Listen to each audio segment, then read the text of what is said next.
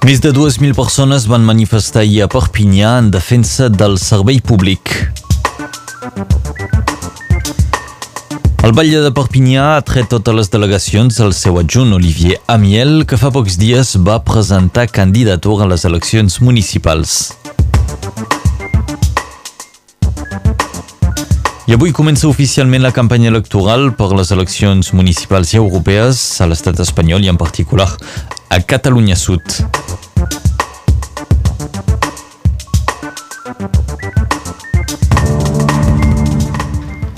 Un incendi es va produir ahir a finals de tarda prop de la plaça Catalunya de Perpinyà. El foc es va declarar a la cuina d'un apartament i va mobilitzar un important dispositiu de bombers que van aconseguir apagar el foc sense que aquest provoqués danys importants.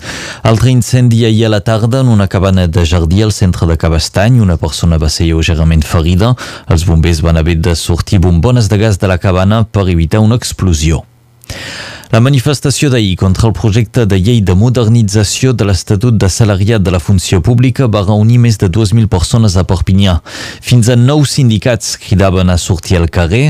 A nivell estatal, el govern ha comptabilitzat 109.000 manifestants, mentre que la CGT eleva aquesta xifra a 250.000 persones. Els sindicats avisen que la jornada d'ahir només va ser una etapa d'una mobilització que s'hauria d'allargar per protestar contra aquest projecte de llei i per reclamar que el govern obri negociacions amb noves bases de diàleg. La tensió puja entre el batlle de Perpinyà Jean-Marc Pujol i el seu adjunt Olivier Amiel. Amiel va presentar ara fa uns dies la seva candidatura per les eleccions municipals. Aquest anunci no va agradar gens al batlle de Perpinyà, que ha acabat per treure totes les delegacions del seu adjunt. Olivier Amiel s'ha declarat molt afectat per aquesta decisió i pensa demanar explicacions durant la propera sessió del Consell Municipal. En tot cas, Amiel ha deixat clar que no pensa dimitir del seu càrrec.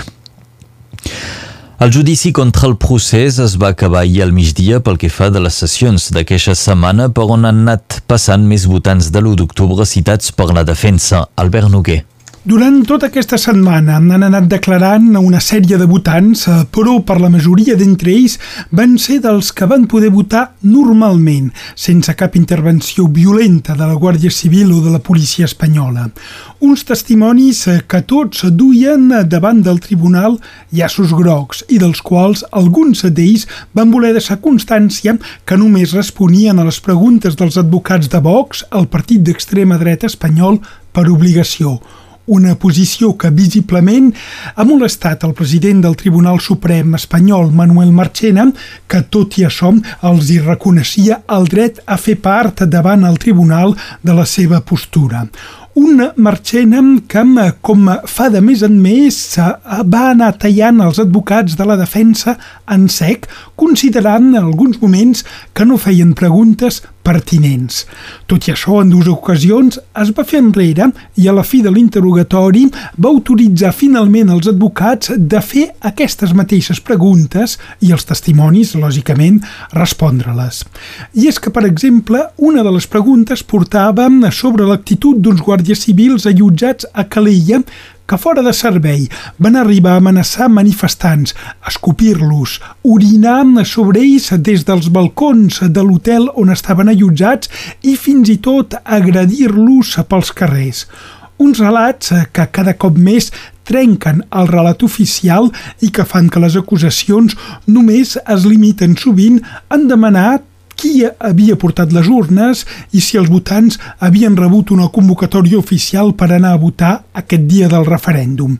I ahir, per acabar, va ser un expolicia espanyol que va votar l'1 d'octubre i que va culpar la Guàrdia Civil d'actuar amb violència sense buscar cap altra solució ni tan sols sense haver demanat abans a parlar amb ningú.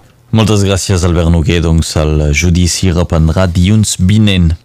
El secretari del Partit Socialista de Catalunya, Miquel Iceta, podria ser el pròxim president del Senat espanyol.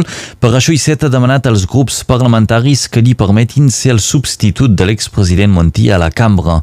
També ha demanat als grups parlamentaris de Junts per Catalunya, d'Esquerra Republicana i la CUP que reconsiderin la seva posició de rebuig abans del ple de la setmana que ve.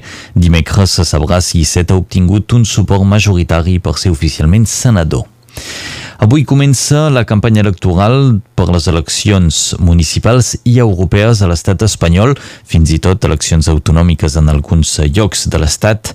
Segons una enquesta del Centre d'Investigacions Sociològiques, a Barcelona guanyaria Ada Colau amb 10 a 11 regidors. Ernest Maragall, d'Esquerra Republicana, estaria molt a prop amb 9 a 10 regidors. Manuel Valls, candidat de Ciutadans, estaria molt lluny darrere amb 5 a 6 regidors. I a més de les municipals, el 26 de maig també es votaran eleccions europees. A l'estat francès la campanya començarà oficialment el 13 de maig. A Catalunya Sud, en canvi, la, la campanya també comença avui amb la notícia que el Tribunal Constitucional espanyol ha rebutjat per unanimitat els recursos presentats per Ciutadans i el PP contra la candidatura de Puigdemont com i Ponsatí a les europees. Una enquesta del Centre d'Investigacions Sociològiques apunta que tant Puigdemont com Junqueras haurien de ser elegits. Les eleccions europees de l'estat espanyol les guanyaria el PSOE, que obtindria entre el 29 i el 31% dels vots. A notar que Vox entraria al Parlament Europeu amb 4 o 5 escons. Avui tindrà lloc els funerals de Bruno Guasc, una referència pel que fa del rugby a 13 a Catalunya Nord. El qui era germà del president dels dracs catalans va morir dimecres a l'edat de 58 anys. Bruno Guasc va ser jugador del Sant Esteve i del 13 català. El funeral es farà aquesta tarda a l'església de Vilallonga de la Salanca. El jugador de l'USAP David Mele ha fitxat per un equip de rugby dels Estats Units. El jugador ja va anunciar que es retirava com a jugador per esdevenir entrenador, doncs ara serà tant jugador com també entrenador del club d'Austin al Texas. En futbol, el davanter del Barça, Luis Suárez, s'ha operat d'una lesió al menisc del genoll dret. Aquesta lesió li farà perdre la final de la Copa del Rei, que jugarà el dia 25 contra el València. I el Barça jugarà diumenge al Camp Nou, rebrà el Getafe a les 6 i mitja. A la mateixa hora i el mateix dia jugarà el Girona, que lluita per no baixar a segona divisió. Aquest cap de setmana afrontarà l'equip del Llevant.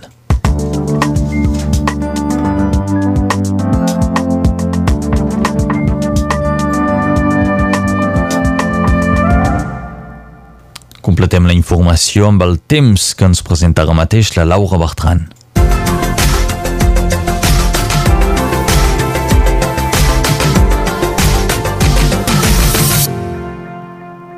Tindrem un temps variable per avui.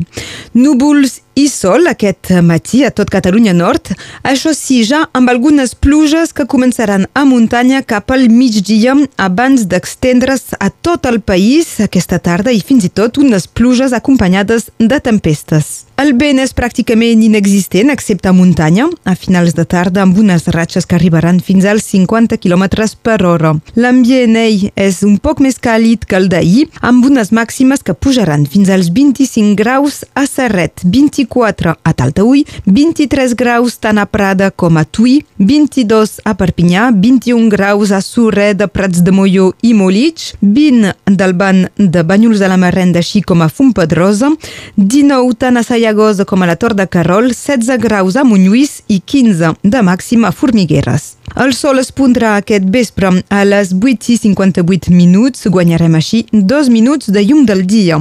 Avui és el Dia Mundial del Lupus, una malaltia del sistema immunològic, i a l'estat francès el 10 de maig és la data en la qual es commemora l'abolició de l'esclavatge.